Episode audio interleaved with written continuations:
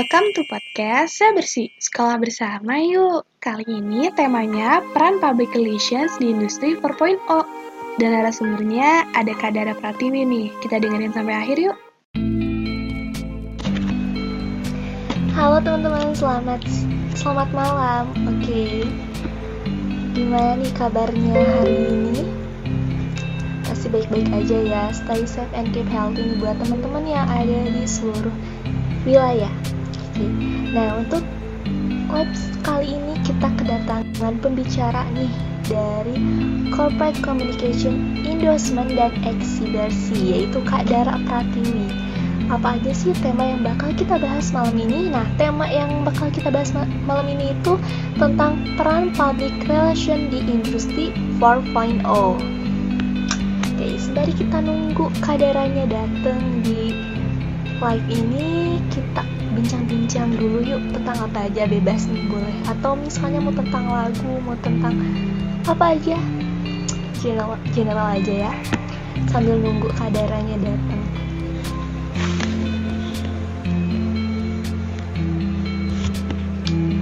Oke. Gimana nih teman-teman kabarnya hari ini? Baik-baik aja kan pastinya. Yang lagi pada sakit semoga cepat disembuhkan yang sehat semoga tetap sehat. Masih PPKM ya teman-teman. Jangan dulu pada keluar rumah ya. Ikuti aturan pemerintah karena aturan ini aturan yang memang mungkin terbaik untuk kita agar COVID-19 ini menurun. Seperti yang kita tahu kan COVID-19 sekarang di Indonesia itu lagi masih naik. Kita berbanyak berdoa aja. Semoga kita semua kembali ke hidup new normal. Kayak dulu ya karena kita tahu kan gimana ramainya tanpa covid gitu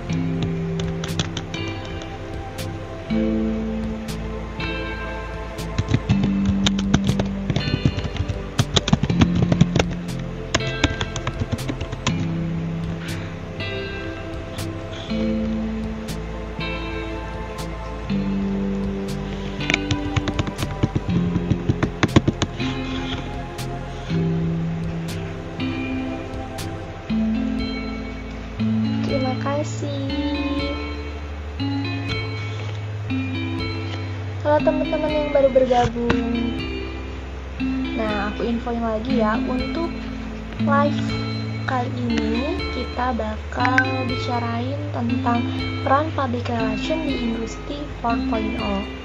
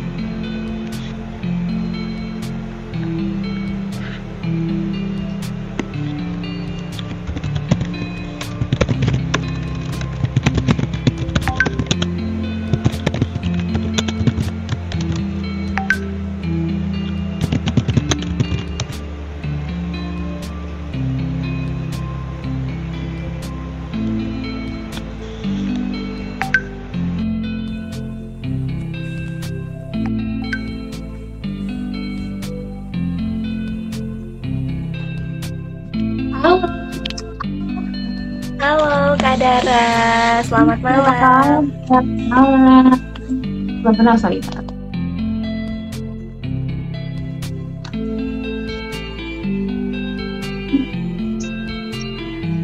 ini suara aku kedenger kan ya Kak? Dengar, dengar, jelas. Oke, mohon maaf nih ada tadi ada telat sedikit ya. Apa-apa. Oke, Gimana Kak Dara sehat?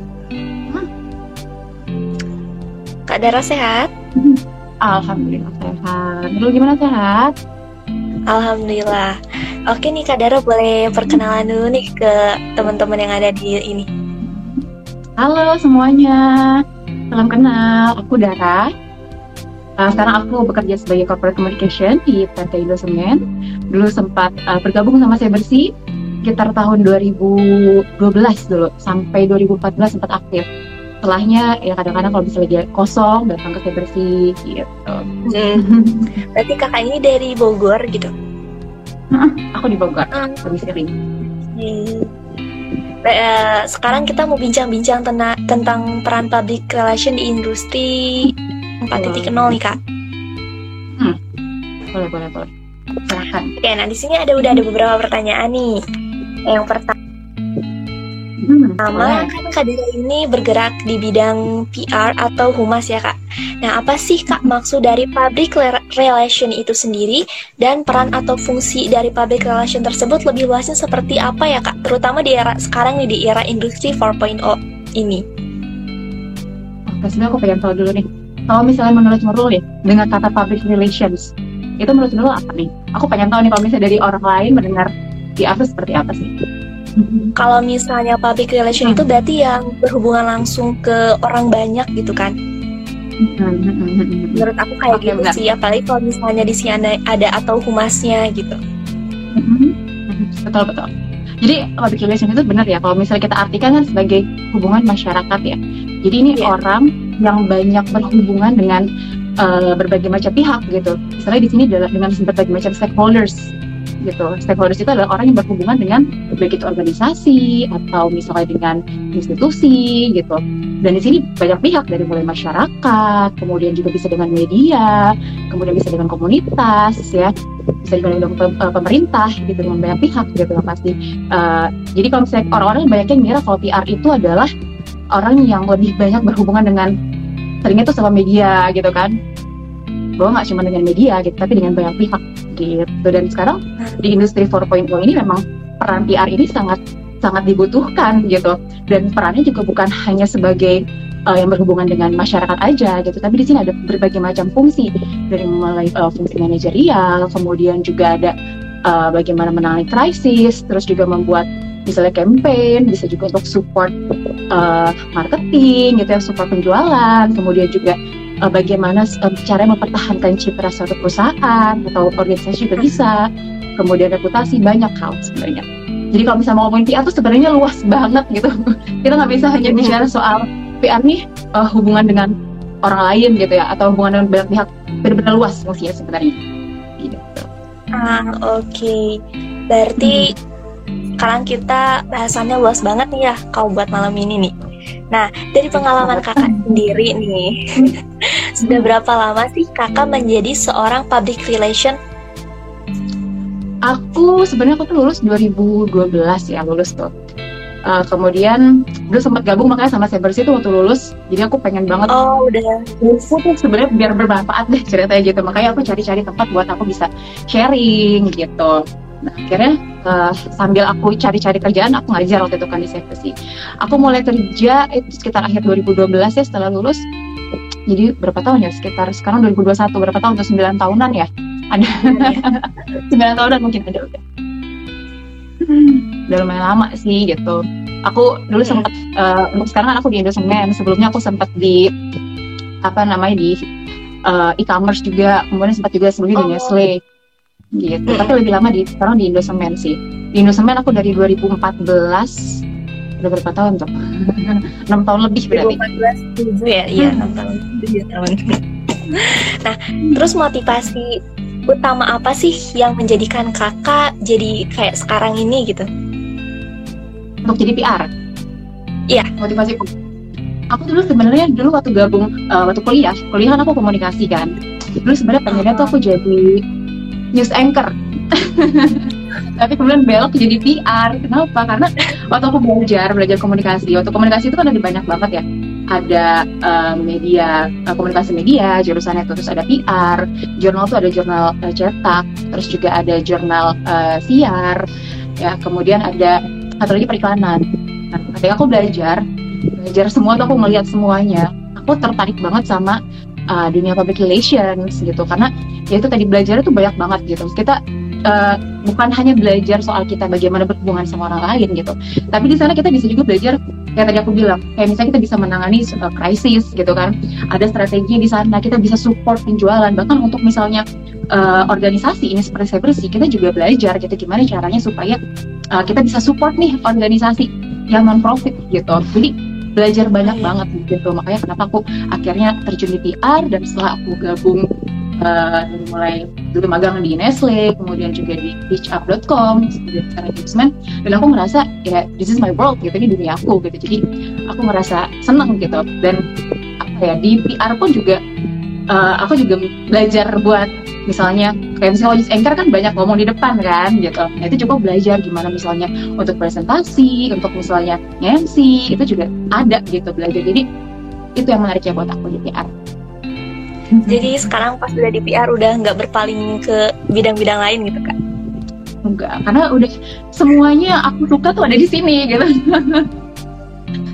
Jadi benar-benar uh, apa ya istilahnya kayak dream job lah gitu. Karena aku bisa dapat semuanya kalau aku di PR itu. Ah, oke. Okay. Nah, manfaat seperti apa sih Kak yang didapat khususnya untuk Kak Dara nih sendiri menjadi seorang public relation ini? Aku juga penasaran. Manfaatnya banyak. Manfaatnya banyak banget. Satu, kita bisa berhubungan dengan banyak orang kan. Jadi PR itu. PR itu kan uh, kita ini posisinya ada di uh, leher organisasi kan.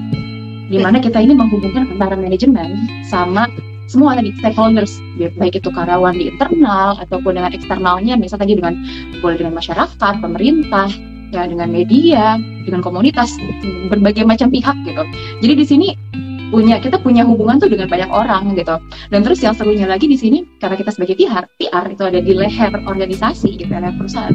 Kita tuh jadi tahu jadi jadi orang pertama yang tahu informasi tentang perusahaan itu gitu. Jadi kita tahu nih informasi apa sih yang konfidensial nggak boleh disebarin informasi apa sih yang boleh gitu. Ini kita yang pilih. Terus juga nah selain itu uh, kita juga jadi banyak belajar sih. Aku yang paling suka sih itu.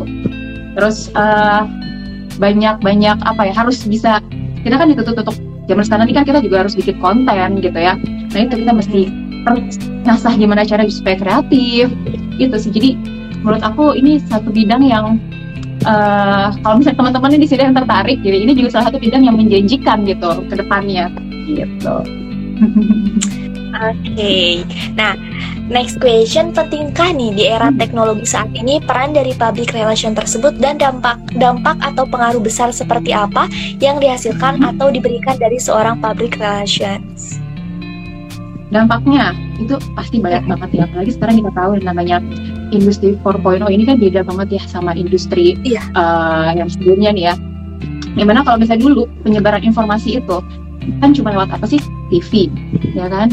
Koran. Kemudian apa? Ya koran majalah, um, media-media konvensional di mana uh, media itu tuh benar-benar yang hanya orang-orang tertentu aja nih yang yang bisa istilahnya bisa menyebarkan informasi dari situ gitu kan. Tapi kalau sekarang ini kan udah luas banget ya. Udah ada sosial media. Sosial media pun macam-macam ya kan? Instagram sekarang TikTok lagi YouTube ya, Twitter. ya itu wah udah banyak banget gitu kan. Di mana udah bener-bener uh, luas gitu. Nah di sini peran kita adalah gimana cara kita. Ketika kita mau menyampaikan pesan nih pesan sama uh, audiens kita. Uh, kita harus tahu nih audiens itu tuh siapa. Dan uh, tools apa nih yang cocok untuk audiens kita supaya pesan yang kita sampaikan itu bisa uh, sesuai gitu bisa bisa sampai ke audiens kita gitu bisa diterima sama mereka. Gitu. kita nggak bisa nih uh, pakai misalnya kita mau nyebarin apa nih satu informasi untuk orang-orang yang mungkin di atas millennials nih. Kayaknya kalau misalnya kita pakai Instagram itu kurang cocok gitu. Kalau Instagram lebih cocoknya dengan millennials kan gitu. Dan cara kita uh, bicaranya pun itu berbeda gitu. Dan di sini peran PR gitu. Gimana caranya kita bisa nih pakai strategi ini nih untuk uh, tentuin tools apa sih yang kita bisa pakai nih di industri 4.0 ini gitu. Jadi kita nggak bisa nih pakai misal semua wah kita mau pakai semuanya nih ya nggak bisa kita mesti tahu nih siapa audiens kita gitu nah ketika kita tahu audiensnya di situ kita bisa lebih targeted gitu itu salah satu peran PR di situ gitu Oke. Nah, eh, tolong jelaskan nih kak, skill Hmm. atau kapasitas seperti apakah yang harus dimiliki oleh seorang humas atau public relation profesional dalam revolusi industri 4.0? Berarti dalam revolusi industri sekarang nih, skill Hmm. apa sih yang harus dimiliki? Yang pasti nomor satu komunikasi gitu. Oke, komunikasi itu penting ya kan? Karena eh komunikasi itu juga bukan hanya komunikasi eh, secara verbal ya. Tapi juga tulisan. Dan sekarang ini yang paling dibutuhkan karena kita kan banyaknya lebih banyak menggunakan eh, media digital ya kan?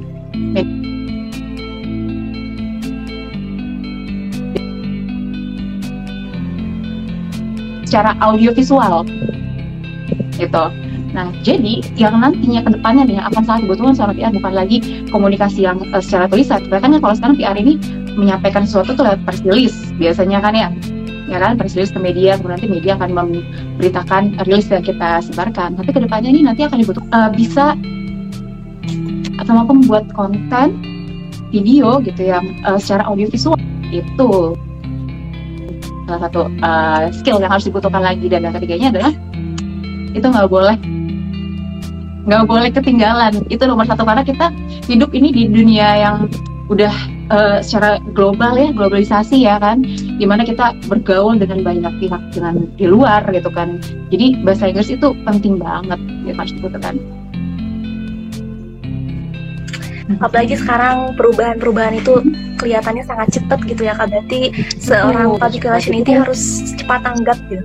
adaptif juga harus adaptif gitu. Kita harus harus mau terus belajar intinya itu banyak terus.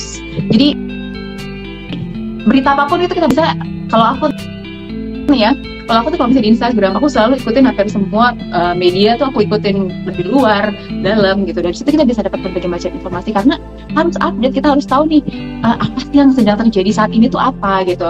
Ada tuh salah satu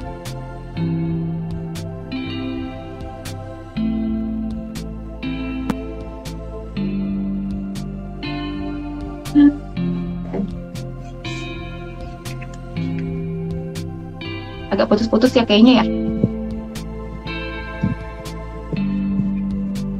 Sinyalnya. Mm-mm. siapa nih? Ada yang tanya. Tanya dong cara belajar bahasa Inggris cepat dan tepat. Bagaimana.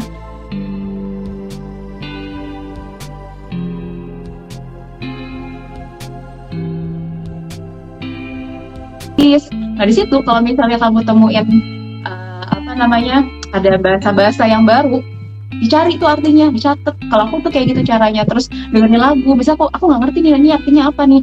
Ada bahasa yang baru nih. Itu pasti aku catat kata-kata. Aku punya satu buku dan aku tulis di situ. Itu salah satu yang bisa membantu untuk eh, belajar dan jangan takut salah sih itu sih. Iya.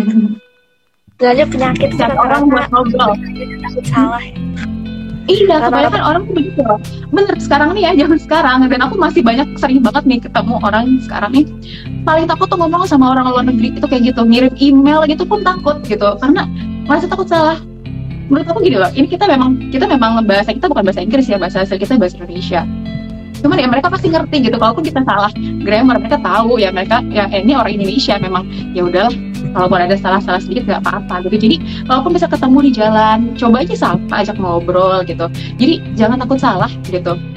Eh, salah itu biasa, kita namanya juga belajar kan ya. Kalau kita nggak salah ya, ya justru kita nggak ada belajarnya di situ kan. Justru karena kesalahan itu kita jadi tahu oh sedikit inget gitu kan kalau misalnya kita salah kan gitu. Jadi jangan pernah takut salah itu sih. Ya, teman-teman jangan pernah takut salah. Nanti kita belajar kalau kita aja takut salah gitu ya. Nah, Hmm. Oke, kita ke pertanyaan selanjutnya. Di era digital sekarang ini banyak sekali yang bisa dilakukan atau dimanfaatkan oleh seorang public relation, khususnya pada media massa yang tadi dijelasin nih sama Kak Dara. Hmm. Hmm. Gimana gimana? Sorry sorry. Iya. Putus deh. Ini udah ada lagi kan? Hmm, Oke oke oke. Mengapa public relation atau humas membutuhkan media massa dan media massa membutuhkan public relation? Berarti ini saling berhubungan gitu ya? Oh oke, okay. ya betul. Memang ini saya berhubungan sekali karena ada istilahnya data simbiosis mutualisme ya, di mana PR itu butuh media untuk menyebarkan uh, informasi, baik itu dari misalnya uh, perusahaannya atau organisasinya gitu, dan uh, media sendiri juga pasti butuh informasi kan, gitu. Nah, iya. biasanya mereka cari dari, dari PR gitu. Jadi memang saling membutuhkan satu sama lain. Nah, coba di sini makanya tugas PR ini adalah gimana cara kita bisa menyajikan informasi yang dibutuhkan oleh media gitu. Jadi kita, ketika kita bikin press release nih atau kita nyebarin berita apa pun, media tuh mau membuat atau mempublish berita kita gitu. Kayak contohnya sekarang nih. Sekarang nih yang lagi happening apa sih kan pasti COVID ya. Ya kan masih COVID kan sekarang kan. Belum selesai kan gitu. Nah, uh, gimana caranya nih supaya uh, kita bisa kasih berita yang diinginkan media tentang COVID gitu misalnya.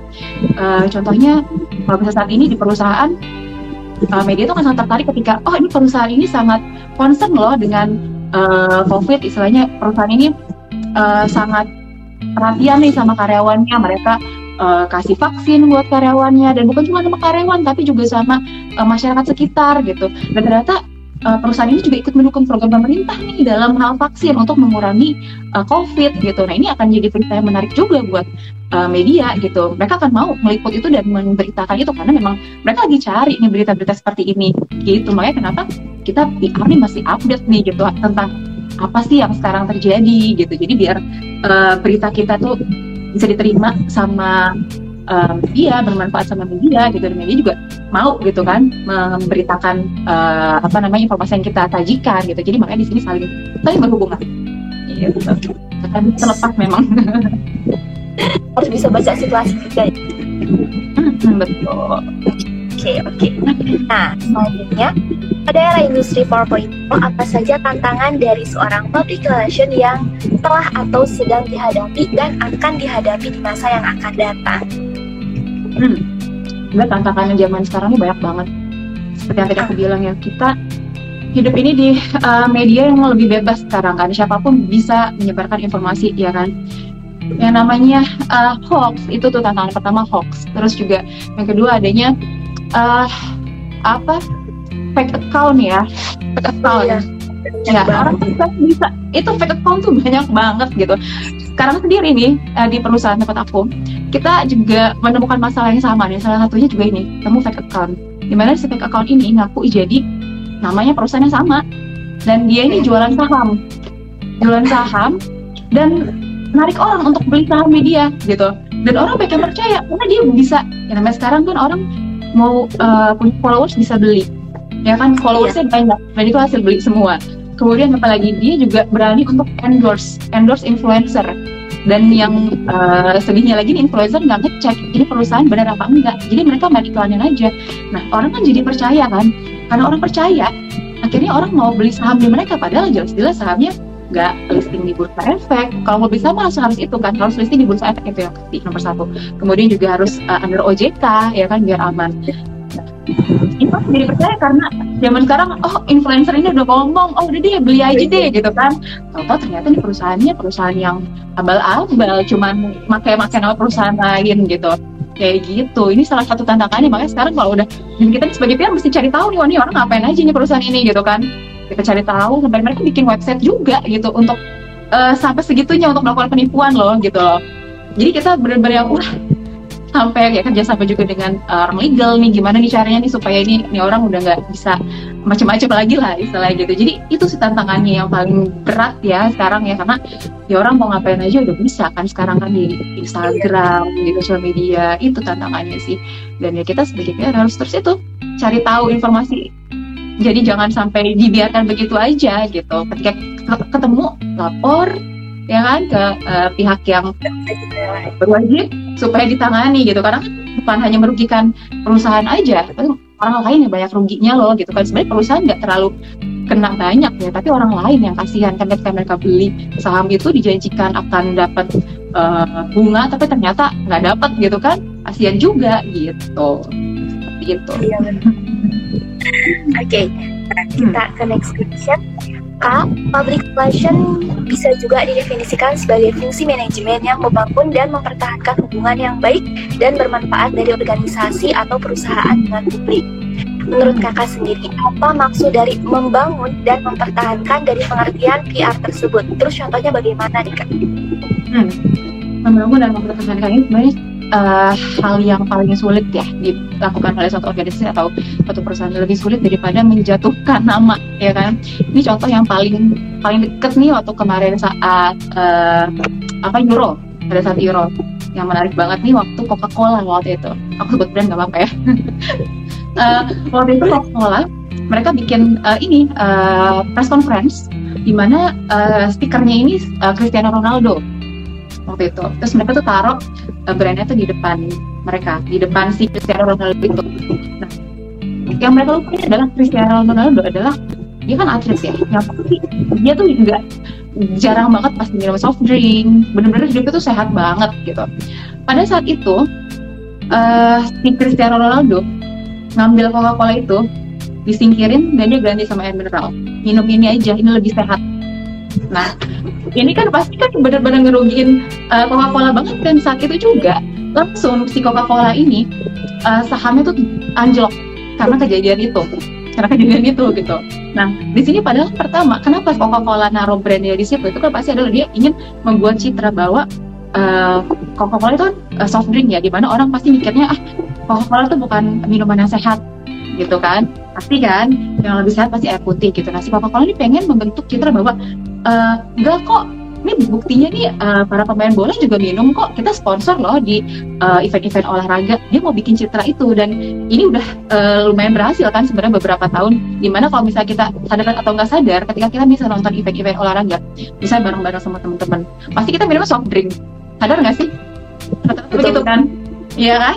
Nah itu itu salah satu uh, yang dibentuk nih oleh PR nih. Kita secara nggak sadar tuh jadi terbawa seperti itu. Akhirnya terbentuk kan. Nah itu salah satu membangun dan mempertahankan citra. Tapi Cristiano Ronaldo dengan uh, ideologinya ini kan, gue harus sehat nih, gue nggak minum nih kayak gini. Ambil tiba-tiba anjlok nilai sahamnya turun kan dalam satu hari cuma dipindahin gitu doang gitu. Wah itu ramai itu sempat waktu itu kan di Instagram di mana-mana kan. Sampai akhirnya Coca-Cola sih cuma diem dan yang uh, salutnya akhirnya uh, tiba-tiba ada press conference lagi dan bikin tandingan. Ada uh, atlet lain yang nggak apa-apa kok minum ini kok diminum sama di, di depannya gitu. Itu juga menurutku mungkin orang-orang nggak sadar kalau itu PR tapi menurutku itu pasti PR supaya memperbaiki uh, si citranya oh, tadi iya. gitu balik lagi itu pasti pasti itu PR itu Oke, sebelum kita lanjut ke pertanyaan selanjutnya nih kak, ada pertanyaan nih di kolom komentar.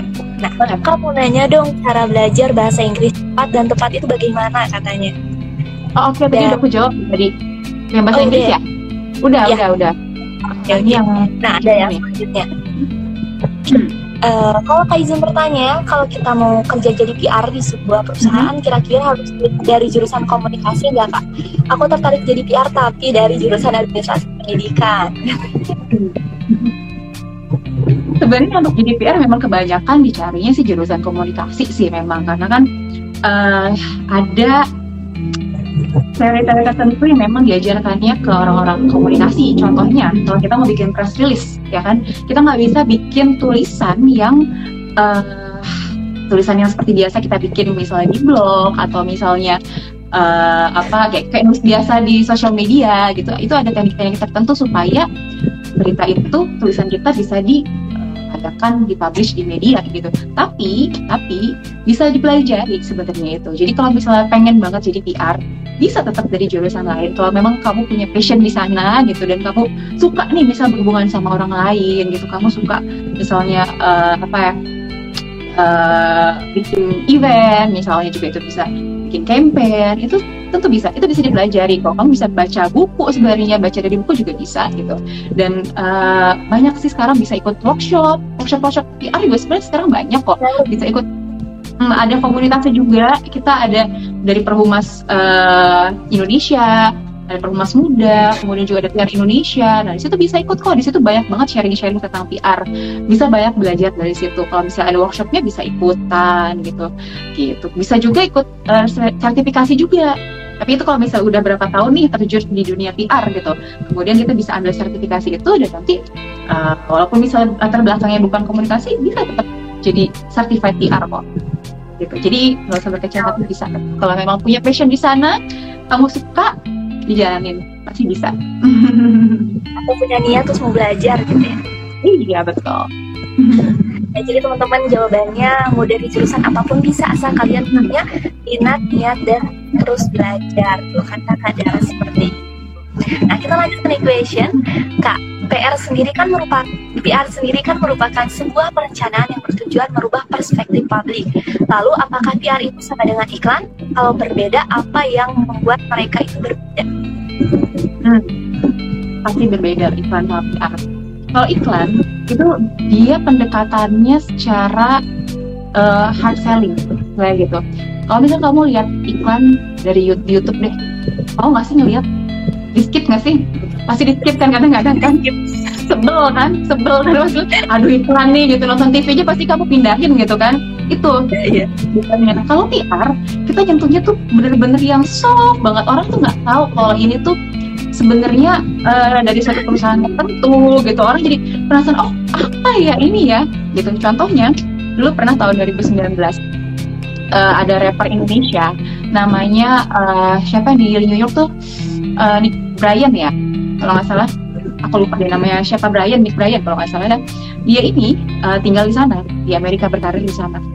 Terus tiba-tiba dia nge-tweet nih aduh kangen sama makanan Indonesia. Kemudian muncul twitternya GoFood. Kita bisa anterin kok. Yang mereka bilang gitu. Terus Iya, si uh, brandnya bilang ah gue di New York mana bisa? Jawab balas lagi di twitternya tenang pasti ada jalan. Gak lama si Brian ini ngepost foto didatengin sama GoFood di New York dengan bawa makanan Indonesia. Nah, ramai itu langsung orang-orang, wah keren banget ya, GoFood bisa kayak gini wah gitu. Ya itu salah satu terus orang jadi penasaran kan, orang pengen tahu, wah kok bisa ya kayak gitu, orang malah jadi tertarik cari tahu kan, jadi viral, bukan iklan gitu. Padahal sebenarnya tujuannya adalah mengiklan, tapi nggak secara langsung itu PR. Jadi mainnya tuh lebih ke storytelling. Orang nggak sadar kalau lagi di disusupin sesuatu nih, lagi di istilah dihipnotis nih. itu gitu biar Karena dia terlalu Nah, dia lembut banget mainnya gitu serunya tuh itu Oke. Nah, oke oke. Nah, PR kan berperan penting dalam membangun citra positif, citra positif nih atau pandangan baik dari masyarakat secara luas terhadap perusahaan atau organisasi yang bersangkutan. Nah, pertanyaannya ini, gimana sih kak cara PR membangun citra positif tersebut? Mungkin sama kakak boleh diilustrasikan, terus juga bisa diberikan contoh salah satu nih dari pengalaman kakak. Salah satunya sih kalau yang sekarang nih ya perusahaan eh, tempat aku bekerja ya kita membangun citranya itu eh, di dunia digital itu melalui eh, sosial media pastinya. Kita punya sosial media khusus. Kalau misalnya di eh, Instagram itu kita punya namanya eh, nama akunnya harmoni tiga roda ini beda sama akun eh, ada lagi semen tiga roda. Kalau semen tiga roda lebih ke brand brand. Jadi kita lebih kayak jualan menceritakan tentang si produknya ini. Gitu produk-produk Indosemen itu ada apa sih terus misalnya tentang kasih tips tentang rumah lebih ke situ. Tapi di Harmoni Tiga Roda ini kita membahas apa aja sih yang sudah dilakukan oleh perusahaan oleh Indosemen nih saat ini Eh, atau yang dulu. Misalnya eh, kita nih bukan cuman perusahaan yang eh, berorientasi sama profit aja loh tapi juga kita peduli nih sama lingkungan sekitar. Kita juga sebenarnya perusahaan yang eh, kalau bisa orang mikir aduh perusahaan semen kan biasanya debu semennya tuh di mana-mana. Orang banyak nyinyirai gitu kan. Tapi nah, kita kasih tahu nih ke publik nih bahwa eh enggak loh kita punya namanya back filter. Back filter ini adalah eh, alat untuk menyaring debu jadi debunya nggak ke mana-mana jadi nggak terlalu banyak ke masyarakat gitu. Dan sekarang pun kita punya nih ada produk produknya nih yang udah green nih gitu. Jadi nggak merusak lingkungan gitu. Terus kita juga pakai bahan bakunya ini bahan bakarnya ini alternatif nggak lagi kita pakai batu bara. Kayak gitu. Jadi uh, kita cerita nih di situ uh, tentang hal-hal positif dari perusahaan tuh apa aja. Terus juga bagaimana kita peduli nih sama lingkungan sekitar. Gimana sih uh, kita melakukan penghijauan di sekitar uh, perusahaan di sekitar pabrik gitu bahwa gak kok hijau tuh sawah-sawah tumbuh. Kita kasih lihat di sana uh, foto-fotonya terus kita juga punya misalnya penangkaran uh, binatang-binatang yang langka kita punya gitu. Kita sajikan semua di situ. Di Instagram kalau bisa mau dicek ada di @harmoni tiga roda. Di situ semua informasinya ada. Dan kita di sana juga menyajikannya ya caranya macam-macam gak cuma bisa kita kasih gambar ada juga uh, video-video uh, juga kita bikin konten yang supaya orang tuh mau lihat juga gitu. Nah ada lagi nih kak. Tuhan aku jelas kak. Jelas ya gimana kalau kalau Tera. Mm -hmm. oke. okay. Nah, oke. Okay. Hmm, ada lagi nih ya. Uh, kan Kak PR juga bertugas untuk eh ya benar. PR juga bertugas bertugas untuk membangun cipta citra positif demi keuntungan perusahaan atau organisasi maupun publik kalau untuk perusahaan kan sudah pasti keuntungan yang dimaksud itu profit atau income bagi perusahaan hmm. tersebut. Nah, bagaimana dengan organisasi-organisasi nih kak? Keuntungan seperti apa sih yang mereka incar melalui PR? Apakah sama dengan perusahaan?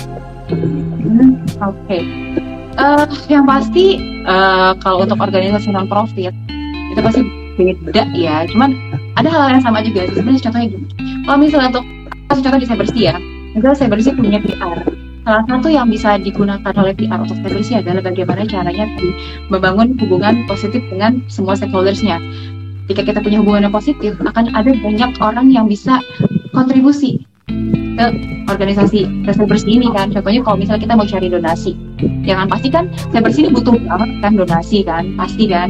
Untuk gimana caranya supaya bisa uh, fasilitas untuk anak-anak ya kan supaya nanti ngajarnya tuh lebih enak deh. Anak-anak seneng nih banyak fasilitas yang menunjang untuk mereka belajar ya kan. Nah salah satunya positif di sini adalah gimana uh, caranya nih supaya orang-orang ini percaya nih sama saya bersih mau ikut donasi gitu kan sebagai bahwa oh bener nih ini organisasi yang umum uh, apa namanya komunitas yang bener nih bukan komunitas bohong-bohongan gitu kan caranya tadi kayak misalnya uh, bikin citra atau pemberitaan-pemberitaan yang positif di sosial media gitu misalnya uh, pas ada kegiatan-kegiatan itu di informasikan benar di, di, Instagram gitu. atau misalnya apa ada prestasi-prestasi yang pernah dilakukan oleh Cybersy itu bisa di uh, publish juga. Kayak misalnya contohnya lagi ada anak-anak Cybersy nih yang udah uh, apa namanya sampai kuliah nih gitu kan bisa diceritain di situ. Atau bisa bikin konten-konten video-video video tentang uh, gimana mungkin dulu Bima Kak Bima nggak ada ya? Nggak gabung ya?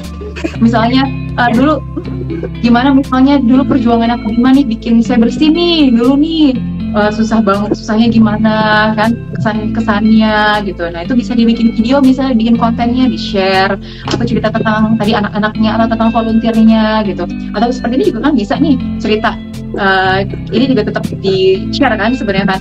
Dan apa namanya orang tuh jadi tahu bahwa oh volunteer volunteer saya bersih tuh uh, sekarang tuh udah ada yang jadi ini jadi ini. Oh ternyata ini organisasinya bener ya gitu. Bukan bohong-bohongan ya istilah gitu. Karena kan sekarang banyak banget kan komunitas-komunitas yang ini bener nggak sih nih komunitasnya nih gitu kan. Nanti minta minta donasi taunya buat bukan buat ini lagi bukan buat pembangunan organisasinya gitu kan. Nah salah satunya itu gimana caranya supaya reputasinya si bersih itu bisa positif gitu. Jadi orang banyak yang percaya bukan cuma untuk donasi aja tapi juga volunteernya itu juga jadi makin banyak gitu kan. Jadi mereka tuh mau gabung. Apa sih misalnya bisa didapetin sama volunteer selain ngajar gitu kan. Misalnya oh ternyata bisa uh, dapet training misalnya dari mantan-mantan volunteer yang lain misalnya gitu kan. Atau bisa juga uh, apa namanya ngobrol-ngobrol dapat ilmu. Kayak misalnya aku lihat juga kemarin sempat ada sharing-sharing sama dari luar negeri juga sempet ya ini ya ngobrol-ngobrol kayak kalau nggak salah sama Moon ya kalau nggak salah ya di sini pernah ada saya bersih ya? Tahu sih kalau itu kan aku baru. Baru. Ya?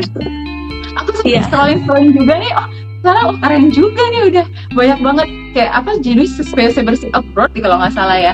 Nah itu juga bagus tuh menurut aku tuh jadi uh, orang-orang yang mau gabung oh keren juga nih ternyata saya bersih bukan cuman uh, apa cuma di Bogor aja gitu. Udah sampai ke internasional juga nih ternyata gitu. Jadi itu banyak diinformasikan gimana caranya supaya orang tahu citra positif ada reputasi positif dari cybersyn itu salah satunya. Fungsi PR itu kalau itu salah satu tugas PR iya itu tugas PR gitu. Gimana nih? Terus juga cari ini hubungan lagi dengan media juga bisa. Kalau misalnya banyak hubungan lagi nih bisa saya bersih sama media diberitain kan. Banyak pemberitaannya. Orang nggak banyak percaya seorang mau gabung. Donasi juga pasti lebih mudah pasti gitu. Terus juga uh, banyak berhubungan juga dengan uh, misalnya pemerintah daerah gitu kan. Berarti jadi lebih mudah gitu istilah buat saya bersih untuk bisa mendapatkan akses, bisa dapat dukungan juga supaya organisasinya atau komunitasnya tetap bertahan sampai uh, Nah, oke. Okay. Jadi udah pertanyaan terakhir nih Kak. Sebelum pertanyaan terakhir, uh, kita boleh sapa dulu nih teman-teman yang lagi gabung di Instagramnya Seber. Halo. Oke, halo teman-teman. Kalau misalnya kalian masih ada pertanyaan ke Kadara, boleh nih nanti di kolom komentar, oke? Okay? Nah, oke, kita lanjut ke pertanyaan selanjutnya. Menurut kakak sendiri, apakah dengan revolusi industri saat ini, industri 4.0 ini, membuat PR, PR atau humas ikut berevolusi? Kemudian perubahan apa saja yang kakak rasakan? Tetap ikut ikut berevolusi banyak banget perubahannya terutama tadi di bidang media ya. Kalau misalnya sebelumnya kita banyaknya cuma di TV kemudian majalah koran. Kalau sekarang kan seperti yang aku bilang tadi ini udah banyak banget gitu kan. Udah sosial media bertebaran. Dan di sini ya kita harus pinter-pinter untuk pilih gitu. Sebagai PR kita harus pinter-pinter pilih. Harus uh, bisa menentukan audiens kita uh, kira-kira cocoknya pakai yang mana ya gitu itu sih salah satu yang paling banyak berubahnya gitu. Dan yang tadi juga uh, untuk rilis ya kita bukan hanya menulis berita tapi juga bisa membuat konten dalam bentuk video, audio, visual ya yang menarik supaya orang lebih mau lihat ya kan? Pasti kan dibandingkan baca orang lebih senang nonton kan? Ya nggak sih? Ya, pasti kan? Nah itu itu sekarang yang paling berubah sih itu. Harus uh, mengikuti apa yang lagi tren nih sekarang nih? Gitu. Jadi menurut kakak revolusinya itu kerasa banget gak ya? Apa sulit nggak sih dari revolusi dulu ke sekarang perubahannya gitu? Sebenarnya nggak terlalu sih ya karena kan aku juga milenials juga nih sebenarnya kan. Jadi uh, uh, jadi uh, apa ya masih sesuai sama zamannya aku sih gitu. Malah jadi seneng gitu karena uh, ini kan harus banyak pakai sosial media nih. Wah seneng nih kira-kira lagi lagi ngetren apa ya uh, di sosmed ya gitu. Jadi jadi seneng malah ngikutinnya gitu. Nggak nggak banyak hal yang uh, menyulitkan sih kalau aku sih sekarang. Malah lebih menarik sebenarnya. Menarik dan menantang. Oh. Oke, okay, ini ada lagi. Kak, kita kan tahu kalau Industri 4.0 itu masa penggunaan artificial intelligence di segala faktor nih. Lalu apakah mungkin Kak PR atau humas di masa depan akan digantikan dengan artificial intelligence ini, mengapa hal tersebut mungkin atau tidak mungkin terjadi? Hmm, tidak mungkin terjadi. Kenapa? Karena justru artificial intelligence ini adalah toolsnya PR. Kita harus kita harus bisa pakai si artificial intelligence ini gitu. Dan satu lagi, PR itu kan kita banyak berhubungan sama orang lain ya. Kita ketika berhubungan sama orang lain kita pakai apa? Hati kan pasti kan kita menyapa orang ya kan? Pasti beda rasanya ketika kita berhubungan sama orang tapi kita pakai robot. Gak nyentuh ke hati kan kan. Jadi tetap kita akan masih tetap butuh PR artificial intelligence ini cuma jadi alatnya kita aja untuk uh, melakukan apa namanya tujuan-tujuan dari organisasi yang ingin dicapai tadi. Misalnya menyampaikan pesan, kan bikin campaign gitu. Tetap PR dan pastinya masih dibutuhkan otak manusia. Karena tadi ada strategi-strategi tertentu yang mesti kita bikin.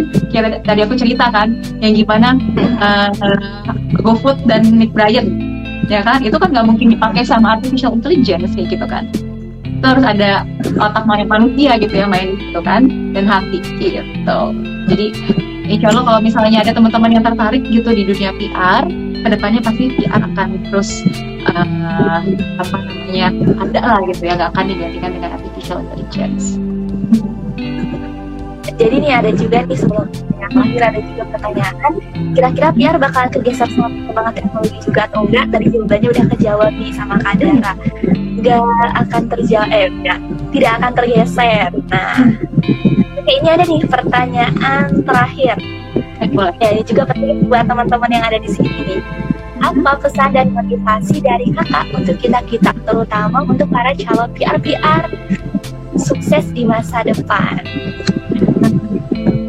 Oke, uh, intinya kalau kamu menjadi PR adalah satu, jangan malas baca. Baca tuh harus itu penting banget ya. Belajar selalu update informasi dan tadi aku bilang bahasa Inggris kuasai. itu. Jadi ada tiga hal yang sangat penting. Ya, hmm, betul. Baca, belajar, bahasa Inggris. Nah, itu. Insya Allah kalau misalnya dikuasai itu, masih bisa jadi PR. ada tiga hal penting belajar bahasa Inggris dan membaca. Betul. Pesan dari Kadara. Kapan-kapan aja kita ketemu Kadara yang debat ini yang mungkin sibuk tapi berani meluangkan waktunya buat seperti ini teman-teman sendiri sini? Iya. Amin amin. Sangat bermanfaat sih kak menurut saya menurut teman-teman sih ini sebelum kita tutup ada aku ada pertanyaan personal sih kak. Kayak keseharian kakak nih sekarang kan uh, lagi pandemi gini kan ppkm nah uh, sekarang kakak full WFH atau enggak? Aku uh, WFH WFO jadi uh, kantorku kebetulan 25 persennya WFO, 75 persennya WFH. Jadi aku sekarang tuh kalau masuk kantor itu seminggu sekali sih biasanya sih. Sisanya aku full di rumah. Oke. Okay. In sekian sih kak dari pertanyaan ini udah habis. Dari teman-teman juga udah nggak ada yang bertanya lagi. Nah terima kasih banyak buat kak Dara. Semoga tetap disehatkan selalu dilancarkan segala urusannya. Juga ada Nah, terima kasih ya Kak. Iya, sama-sama. Sehat-sehat ya. Mudah-mudahan bisa ketemu ya kapan-kapan ya. Di Balenesia ya aku udah lama nggak main di sana loh. Aku ke Balenesia tuh tahun 2020 pas sebelum pandemi itu awal-awal tuh aku sempat punya program bareng sama uh, Wabe Project waktu itu. Aku sempat mau ngajar anak-anak tuh sempat bikin udah bikin modulnya udah sempat ngajar sekali ya kan aku mau ngajar anak-anak eh covid. Jadi nggak udah bisa aku banget banget kan Kenapa? Masih hubungan sama skripsi ya? masih aku uh, sempat masih suka ngobrol tuh sama Katami tuh dari Wabe. Sering ngobrol sih untuk sama Bima juga uh, suka masih suka ngobrol-ngobrol suka sharing juga kan. Terakhir sih tuh 2020 aku masih ke Balenesia tuh karena gara-gara covid kan? Ya udah habis itu udah jarang banget. Paling sekarang ngobrol-ngobrol sama uh, anak-anaknya aja. Ada tuh sempet dulu uh, adik-adik uh, sekarang udah kuliah. Udah kuliah di IPB dulu waktu aku masih ngajar di sana tuh 2012-an tuh itu masih kecil masih masih SD jadi ngeliat bener-bener perkembangan mereka banget gitu. Banyak banget cantik iya udah ada yang kuliah masuk IPB aku sampai aku mes keren banget seneng sih jadi ngelihatnya pasti apalagi tahu dari masa kecilnya iya kalau kamu baru ini ya, baru gabung tahun ini atau dari tahun kapan nih? Oh tahun ini sih. Baru tahun ini gabung. Dan nggak domisili di Bogor sih.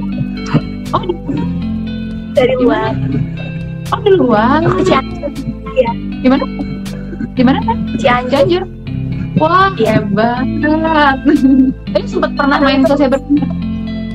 Belum. Belum. Oh belum, nanti main kapan-kapan ya. nanti ketemu nanti. Uh, uh, kita ketemu nanti ya. Mudah-mudahan covid ya. cepat ini deh. Cepat selesai ini ya ampun nggak selesai selesai. Iya. Oke deh. Tapi alhamdulillah si sehat-sehat. Iya sehat-sehat juga ya. Mudah-mudahan bisa ketemu. Sehat-sehat juga. Hmm, sukses ya. Mudah-mudahan betah di saya Ya. kasih Kak Dara. Sama-sama.